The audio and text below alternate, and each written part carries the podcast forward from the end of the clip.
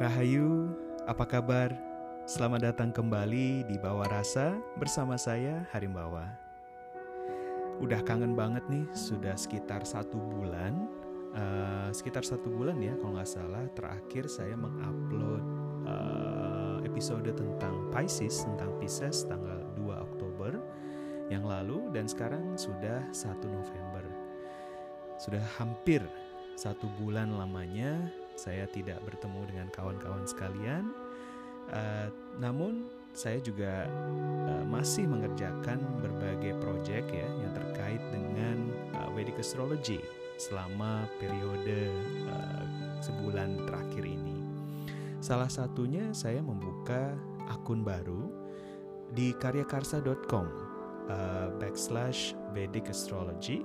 Silahkan bagi kawan-kawan yang tertarik untuk terus mempelajari, mendalami Jyotisha atau Vedic Astrology, silahkan bisa uh, bergabung di sana. Dan kalau kawan-kawan memberikan saya dukungan, saya akan uh, apa namanya memberikan akses terhadap karya-karya yang saya unggah di karyakarsa.com. Di sana saya akan mengunggah uh, apa ya berbagai macam bahasan terutama yang sifatnya tertulis yang saya buat dalam bentuk artikel atau saya buat dalam bentuk infografis yang terkait dengan uh, Vedic Astrology tentunya. Di samping itu dalam sebulan terakhir saya juga uh, sedang mempersiapkan uh, sesi counseling selanjutnya yang sudah dibuka yang akan dimulai dari tanggal 5 November nanti ya sampai beberapa bulan ke depan karena kita akan melintasi pergantian eh, atau peralihan tahun ya dari tahun 2021 ini ke 2022 maka uh, ini adalah kesempatan yang sangat baik bagi kawan-kawan semua yang ingin uh, apa namanya memperoleh uh, insight ya dari uh, chart lahirnya. Silahkan bisa uh, membuat appointment menghubungi saya dan kita bisa bertemu dalam sesi wedding counseling. Di sana kita bisa membahas berbagai hal, di antaranya mungkin yang uh, relevan untuk peralihan uh, tahun atau menyambut tahun yang baru adalah membahas tentang bagaimana uh, kehidupan kita, apa yang perlu dipersiapkan, apa yang perlu diperhatikan selama beberapa bulan hingga setahun ke depan. Jadi apa yang harus kita persiapkan pada tahun 2022 nanti, 22 nanti bisa kita bahas di dalam sesi Vedic Counseling. Nah, dalam kesempatan kali ini saya akan melakukan pembahasan ya lebih jauh tentang elemen-elemen yang ada di dalam Vedic Astrology. Kalau sebelumnya saya sudah membahas tentang 12 zodiak mulai dari Aries sampai dengan Pisces, maka saya sekarang akan melanjutkan pembahasan ya uh, yang terkait dengan 12 bhawa atau 12 rumah astrologis. Nah, 12 rumah astrologis ini atau disebut sebagai bhawa dalam bahasa Sanskerta sebenarnya berarti lebih dari sekadar rumah atau wilayah atau aspek kehidupan. Namun jika kita melihat dari uh, asal katanya di dalam bahasa Sanskerta, rumah ini disebut sebagai bhawa, bisa juga disebut sebagai stana dan lain sebagainya. Namun yang paling umum digunakan adalah bhawa.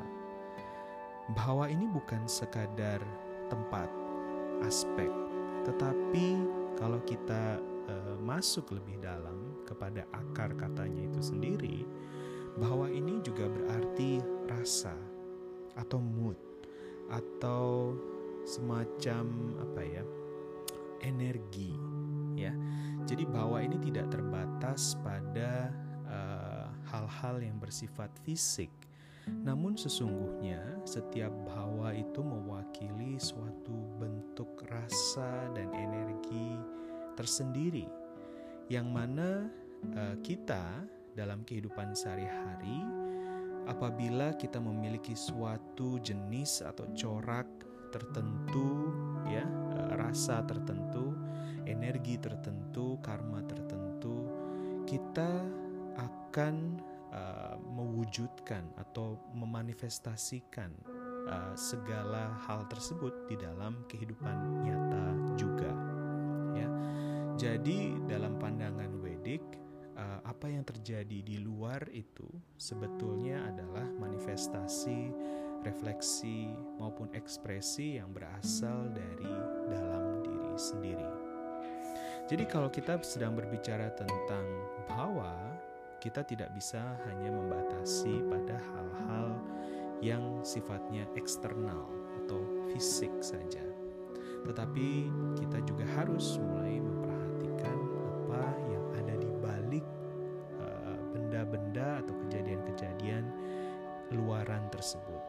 harus melihat ke dalam diri. Nah, bahwa ini adalah elemen astrologis yang bisa dikatakan elemen yang paling dekat dengan kita. Karena bahwa ini terkait dengan posisi kita ketika seseorang lahir. Jadi bahwa ini terikat erat dengan bumi ini sendiri. Ya. Sedangkan dua elemen lainnya yaitu uh, planet dan bintang-bintang atau zodiak maupun nakshatra berada jauh di atas sana. Sedangkan bahwa adalah elemen yang kita rasakan, yang kita alami dalam kehidupan sehari-hari, baik itu yang bersifat uh, eksternal tadi maupun juga yang ada di dalam pikiran dan perasaan uh, yang ada di dalam diri. Nah, pada kesempatan kali ini saya ingin sedikit membahas tentang rumah yang pertama. Kalau kita bicara tentang bahwa sebetulnya uh, kalau kita baca beberapa buku ya, mungkin uh, pembahasan tentang bahwa itu bisa sangat singkat, mungkin bisa hanya dari satu paragraf atau maksimal bisa uh, menjadi satu subbab ya. Namun sebenarnya kalau kita ingin belajar lebih dalam tentang uh, Vedic astrology, bahwa ini bisa dikupas dengan sangat komprehensif. Uh, jadi pembahasan tentang bahwa ini sebetulnya cukup luas, kemudian menyangkut uh, banyak hal dan bisa uh, bisa menjadi sangat kompleks juga. Tapi dalam pembahasan kita di uh, channel Bawa Rasa ini, di podcast ini, uh, saya akan batasi menjadi hal-hal yang bersifat esensial saja, yang mendasar, dan yang mungkin bisa kita langsung pergunakan dalam uh, kehidupan kita sehari-hari dan di dalam kita bagaimana memahami chart kita sendiri ya.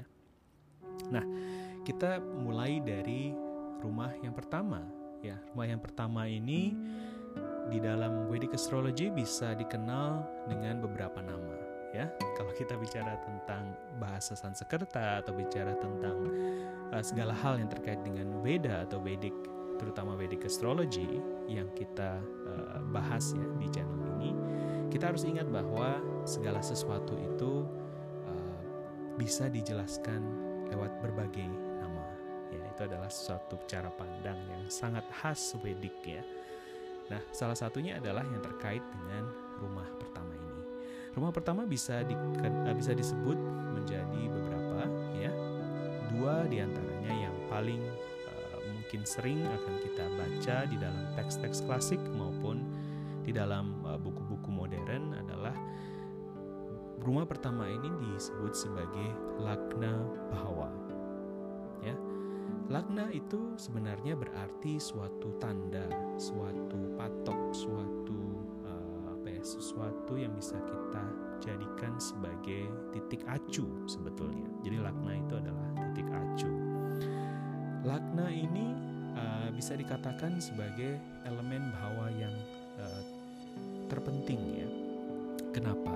Karena Lagna inilah uh, sebagai titik acu, sebagai titik patok digunakan untuk menentukan bahwa-bahwa yang.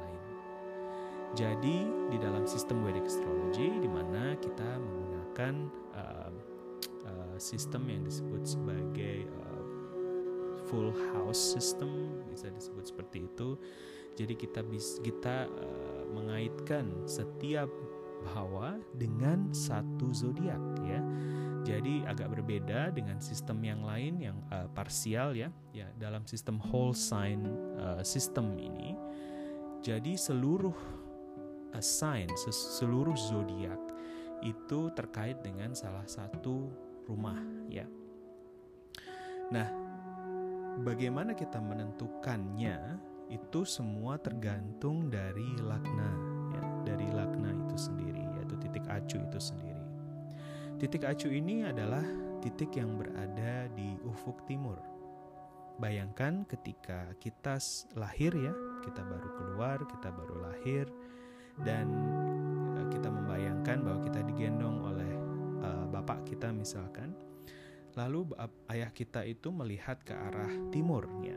Jadi kalau dia bisa melihat ya langit dari di mana dia berada, maka titik di ufuk timur itu kita bisa melihat uh, salah satu dari 12 uh, zodiak.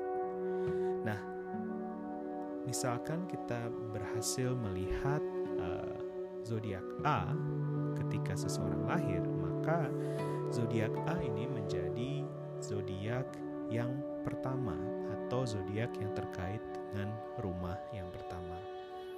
Dan kemudian zodiak B menjadi rumah kedua, C menjadi rumah ketiga dan seterusnya hingga rumah yang Jadi oleh karena itu lakna ini begitu penting. Karena lakna ini menentukan zodiak mana yang akan menjadi rumah kesekian jadi semuanya akan tergantung dari lakna kita. Namun uh, mungkin pembahasan ini uh, agak sedikit melebar ya karena di dalam tradisi Vedic astrology tidak hanya terdapat satu jenis lakna seperti yang saya jelaskan tadi, tapi juga ada lakna-lakna yang lain, tapi mungkin akan kita bahas dalam kesempatan-kesempatan yang berbeda. Tapi yang paling penting adalah lakna yang e, menjadi ufuk timur ketika seseorang lahir. Oke. Selain lakna Bhawa, rumah pertama ini juga dikenal dengan nama Tanur Bhawa. Tanu itu berarti badan, berarti tubuh fisik ya terutama. Tapi juga bisa dikatakan sebagai tubuh dalam artian yang lebih luas. Karena di dalam tradisi Weda dikenal ada berbagai macam lapisan tubuh ya.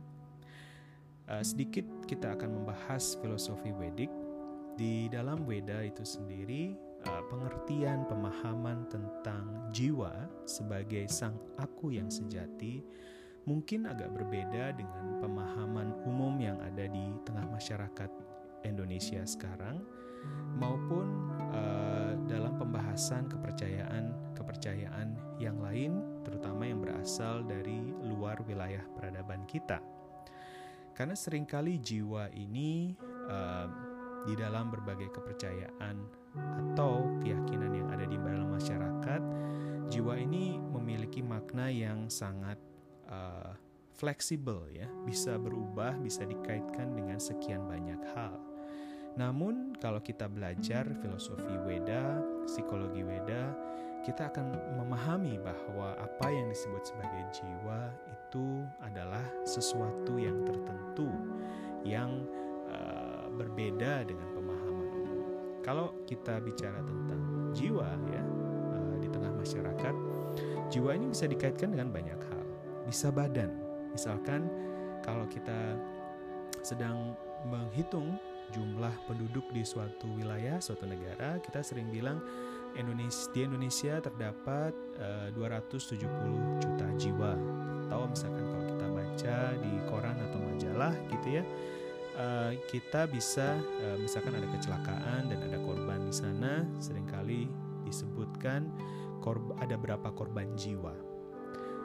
Nah, dalam pandangan Wedik itu sendiri, jiwa dan badan ini berbeda ya.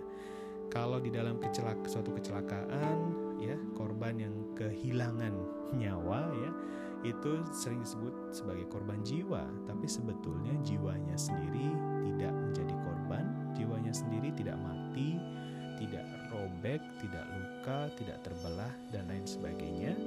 Namun yang rusak, yang hancur adalah badan fisik seseorang.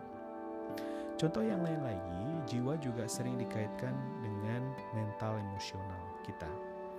Kita tentu pernah mendengar istilah gangguan jiwa atau penyakit jiwa. Ada juga rumah sakit jiwa. Nah, apakah jiwa bisa sakit atau tidak? Tentu dalam pandangan dan filosofi Weda, jiwa ini tidak mengalami gangguan atau kerusakan, sedangkan yang rusak, yang terganggu, yang mengalami modifikasi, dan lain sebagainya itu adalah sebetulnya lapisan-lapisan yang membungkus jiwa itu sendiri. Di dalam filosofi Weda, di dalam Upanishad, dijelaskan tentang lima lapisan jiwa yang membungkus sang jiwa. Ya. Jiwa itu sendiri tidak berawal, tidak berakhir, ya. Kemudian tidak rusak, tidak mati, tidak terbasahkan, terkeringkan, tidak juga mengalami uh, kematian ya. Ini adalah secara pandang yang uh, cara pandang Weda dan bagi kawan-kawan yang tertarik untuk lebih mendalami uh, tema ini silahkan bisa membaca Bhagavad Gita yang merupakan salah satu teks Wedik yang paling populer paling banyak diterjemahkan menjadi uh, banyak ya uh, beberapa bahasa di dunia. Dan ada banyak versi juga banyak orang-orang yang memberikan uh, interpretasinya masing-masing. Jadi ini adalah suatu tradisi yang sangat kaya. Silahkan bisa membaca berbagai interpretasi yang terdapat di dalam Bhagavad Gita itu sendiri. Nah jadi jiwa itu tidak mengalami kematian jiwa dibungkus di dalam lapisan-lapisan ya kalau di dalam Upanishad dikatakan ada lima lapisan. Yang pertama adalah lapisan badan fisik. Yang kedua adalah lapisan prana atau lapisan energi. Eh, yang ketiga adalah lapisan mental emosional, intelektual juga eh, ada di dalam lapisan ini ya. Segala sesuatu yang bersifat mental emosional, perasaan kita mungkin yang uh, ketika seseorang mengalami yang disebut sebagai dalam tanda kutip gangguan jiwa sebenarnya yang terjadi adalah ada gangguan pada lapisan mental emosional ini ya. Maupun juga bisa jadi adalah ada gangguan dalam lapisan fisik yang akan mempengaruhi lapisan mental emosional. Lapisan yang keempat adalah lapisan yang disebut oleh guru saya sebagai lapisan inteligensia. Uh, bahasa Sanskertanya adalah Vijnan Maya Kosha, yaitu lapis lapisan yang berisi Vijnan atau Vijnana. Ya. Jadi lapisan yang terdiri dari kecerdasan atau intelektualitas. Ini adalah lapisan yang mungkin tidak banyak dikenal oleh masyarakat ya dibandingkan dengan tiga lapisan yang pertama tadi, lapisan fisik, lapisan prana, dan lapisan mental emosional. Lapisan yang terakhir atau lapisan yang kelima disebut sebagai Ananda Maya Kosha, yaitu lapisan yang terdiri dari Ananda, yaitu kebahagiaan yang sejati. Kebahagiaan ini berbeda dengan kebahagiaan atau kesenangan yang kita terima dari benda-benda fisik ya misalkan kalau kita makan makanan yang enak atau kalau kita bertemu dengan orang yang kita cintai atau kita mendapatkan uang hadiah eh, dan lain sebagainya sering kali itu adalah sensasi yang terjadi pada lapisan fisik yang kemudian kita nikmati ya di dalam lapisan mental emosional. Sedangkan Ananda Maya Kosha ini adalah lapisan yang lebih dalam, ya, lebih halus, dan terkait dengan spiritualitas. Selain uh, sistem menggunakan uh, model lima lapisan tadi, ada juga model yang disebut sebagai Trisharira, yaitu tiga lapisan badan. Yang pertama adalah lapisan badan fisik ya, sama dengan uh, konsep lima lapisan sebelumnya. Yang kedua adalah uh, badan halus ya atau disebut sebagai sukshma sharira. Dan yang terakhir yang ketiga adalah yang disebut sebagai antah karana atau karana sharira yaitu badan penyebab atau causal body. Nah, di dalam uh, tradisi Wedik setiap lapisan ini punya ciri-ciri, sifat dan uh, apa namanya dan teknik tersendiri bagaimana seseorang bisa mengelola setiap lapisan. Ya, setiap lapisan ini dipelajari dengan begitu detail. Kemudian para resi juga membuatkan, menyiapkan sistem di mana kita bisa mengembangkan setiap lapisan sehingga kita bisa menjadi manusia yang utuh ya, bukan hanya manusia yang parsial yang hanya mementingkan salah satu bagian dari lapisan kesadaran, lapisan badan tubuh kita itu. Nah, kembali kepada pembahasan kita tentang rumah pertama. Rumah pertama ini banyak dikaitkan dengan tubuh ya, fisik. Tapi sebetulnya bukan hanya tubuh fisik saja. Dia juga berhubungan dengan lapisan-lapisan badan atau kesadaran yang lain juga, ya. Jadi di dalam teks-teks dikatakan bahwa rumah pertama ini terkait dengan self, ya. Kalau kita bicara tentang self di sini, kita sedang bicara tentang tadi ya, berbagai lapisan tadi. Kalau kita saya bilang aku, aku ini siapa? Kadang-kadang ketika uh, saya bilang aku, aku ini berhubungan dengan badan. Ya, aku tinggal di uh, kota A, itu kan badan kita yang tinggal di kota A. Atau kemudian aku ini terkait juga dengan kesenangan atau ketidaksukaan kita. Misalnya, aku tidak suka mangga gitu ya. Maka si aku ini siapa? Sebenarnya yang sedang dirujuk uh, dalam kalimat tadi adalah aku badan fisik yang mana badan fisik kita tidak menyukai sesuatu tapi juga badan mental emosional yang mana mungkin kita tidak menyukai mangga karena mungkin ketika kecil kita trauma gitu ya melihat ada ulat di dalam buah mangga yang hendak kita makan atau mungkin ada hal-hal yang lain yang membuat kita tidak menyukai buah mangga. Jadi aku ini tergantung dari posisi kita masing-masing. Di dalam uh, astrologi rumah pertama ini terkait dengan ego juga. Jadi self ini uh, atau identitas diri, ego dan lain sebagainya adalah uh, semua itu bisa dilihat dari rumah pertama. Dikatakan juga di dalam teks-teks klasik bahwa rumah pertama ini berhubungan dengan badan fisik. Jadi uh, penampilan kita, uh, pembawaan kita, bagaimana orang lain melihat kita, itu juga uh, berhubungan dengan rumah pertama. Di samping itu juga dikatakan rumah pertama ini terkait dengan complexion atau warna kulit kita. Ya, uh, warna kulit kita apakah cenderung terang, gelap dan lain sebagainya bisa dilihat di situ dari pengaruh-pengaruh geraha terhadap rumah pertama Kemudian juga dikatakan rumah pertama ini terkait dengan knowledge, dengan pemahaman kita sebetulnya. Uh, knowledge di sini dalam artian adalah bagaimana kita uh, melihat dunia, ya. Bagaimana kita memahami dunia, baik itu badan kita sendiri atau tadi ya lapisan-lapisan fisik dan kesadaran kita. Juga bagaimana kita memahami dunia di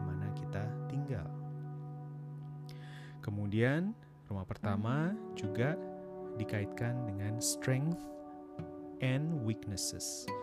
Kelemahan dan kekuatan kita, kemudian juga kepribadian itu sering dikaitkan dengan rumah yang pertama. Kenapa? Karena rumah pertama ini dia berhubungan dengan uh, diri tadi ya. Jadi segala sesuatu uh, yang terkait dengan diri itu berhubungan dengan rumah pertama. Kita bisa bayangkan bahwa rumah pertama atau lakna bahwa ini seperti benih. Yang mana di dalam benih ya yang kecil itu terdapat pohon raksasa ya. Entah itu pohon beringin atau pohon apa pun lah ya. Kita bayangkan bijinya itu kecil ya. Tapi di dalamnya terdapat segala potensi kehidupan kita itulah rahasia dari lakna itu sendiri. Kemudian uh, lakna tadi juga terkait dengan happiness our happiness or our grief ya. Kalau kita memiliki uh, chart lahir di mana rumah pertama ini banyak sekali dikuasai oleh Krura Grahas yaitu planet-planet yang memiliki sifat yang malefic ya. Maka rumah pertama ini akan uh, akan menjadi akan akan banyak kelemahannya tadi ya ketimbang strength-nya akan lebih banyak weaknesses-nya daripada happiness akan lebih banyak grief-nya begitu juga sebaliknya kalau di rumah pertama terdapat um, graha atau planet-planet yang cenderung benefic maka dia akan memberikan kekuatan dan juga kebahagiaan. Kemudian rumah pertama juga dikaitkan dengan innate nature dengan psiko apa namanya uh, kepribadian kita. Uh, dan juga disebutkan rumah pertama ini terkait dengan sukses in undertakings jadi kemampuan kita untuk meraih kesuksesan. Kenapa? Karena ibaratnya seperti benih tadi, benih yang kecil tadi, kalau benih kita itu mengandung kekuatan, sifat-sifat yang baik, maka uh, kita akan bisa benih tadi bisa akan berkecambah dan kemudian tumbuh menjadi tanaman yang sehat, menjadi sosok yang sehat. Demikian juga dengan kalau sebaliknya ya, kalau di dalam benih tadi terdapat problem dan lain sebagainya, maka benih ini bisa mengalami uh, gangguan pada saat pada pertumbuhannya. Dan itu semua bisa dikaitkan dengan kesuksesan kita, sukses in undertakings ya. Lalu dikatakan juga bahwa rumah pertama ini uh, karakanya, planet karakanya adalah surya atau matahari ya. Sedangkan uh, rasinya dia terkait dengan rasi yang pertama yaitu Aries.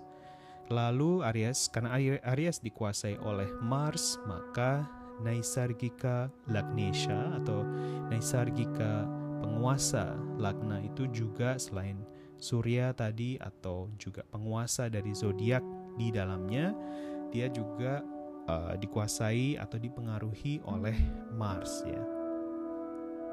Oke. Jadi rumah pertama ini begitu penting ya, sangat-sangat penting untuk dianalisis. Oleh karena itu, di baik di dalam Vedic astrology maupun uh, astrologi yang lain juga lakna ini banyak sekali dibahas ya. Jadi kita sering kali uh, apa ya mengidentifikasi suatu chart uh, dari tiga hal. Pertama lagna, kemudian chandra atau bulan dan yang terakhir adalah surya ya. Jadi lakna ini sering kali menjadi yang paling pertama kita lihat ya. Karena ufuk timur ini begitu penting. Dalam tradisi Wedik ya, uh, ufuk timur ini adalah arah yang suci karena dari sana segala sesuatu naik. Sedangkan kalau kita lihat ke arah barat, segala sesuatu di sana turun dan menghilang. Jadi timur adalah tempat yang disucikan. Oleh karena itu, uh, umat-umat Hindu dan umat uh, yang tinggal di wilayah peradaban ini banyak sekali uh, melakukan persembahyangan atau upacara suci dengan menghadap atau melibatkan arah timurnya. Oke, jadi itu yang sudah kita bahas ya. Tapi sebenarnya seperti saya katakan tadi, ada banyak sekali yang bisa dikupas dari masing-masing rumah. Saya berencana untuk membuat kelas-kelas uh, kecil ya. Saya berusaha untuk merekam kelas-kelas uh, di mana kawan-kawan sekalian kalau tertarik bisa membeli kelas tersebut di karyakarsa.com uh, tapi saat ini masih belum ya. Tapi saya rencananya akan membuat kelas-kelas yang terkait dengan 12 bahwa ini mungkin dalam beberapa bulan ke depan dan di situ saya akan mengupas sedalam-dalamnya uh, masing-masing dari rumah tersebut. Kenapa? Karena uh, pemahaman yang sering kali saya temukan di luar sana, uh, baik itu dalam sosial media maupun dalam beberapa buku-buku yang disusun oleh penulis modern, sering kali uh, pembahasannya saya rasa kurang lengkap ya. Jadi saya mencari sendiri, menggali, uh, membuka-buka banyak buku, kemudian belajar dari banyak orang yang lain, kemudian uh, saya ingin berbagi temuan dan uh, notes saya itu kepada teman-teman sekalian sehingga kita bisa memahami setiap bahwa itu dengan lebih baik ya. Karena banyak sekali juga di luar sana pemahaman yang kurang tepat atau bertolak belakang ya dengan pemahaman dasar uh, yang memang di, diajarkan oleh para resi ya.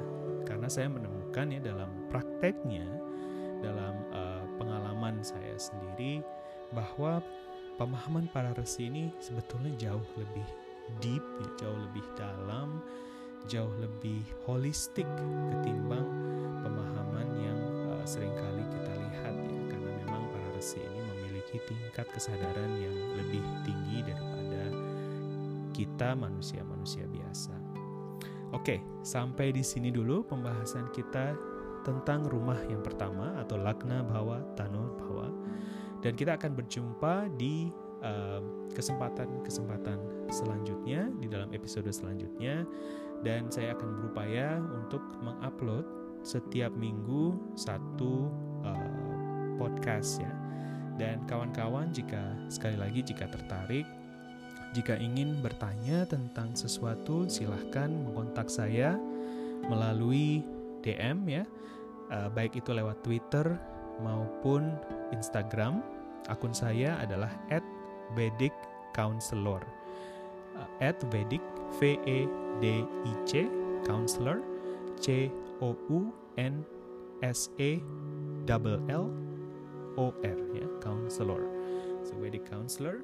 Silahkan DM ke sana dan kita akan membahas lebih jauh ya kalau ada pertanyaan-pertanyaan itu akan lebih enak sebetulnya uh, akan ada interaksi antara semua. Dan silahkan subscribe di channel ini. Kita akan berjumpa lagi dalam kesempatan selanjutnya. Rahayu dan sampai jumpa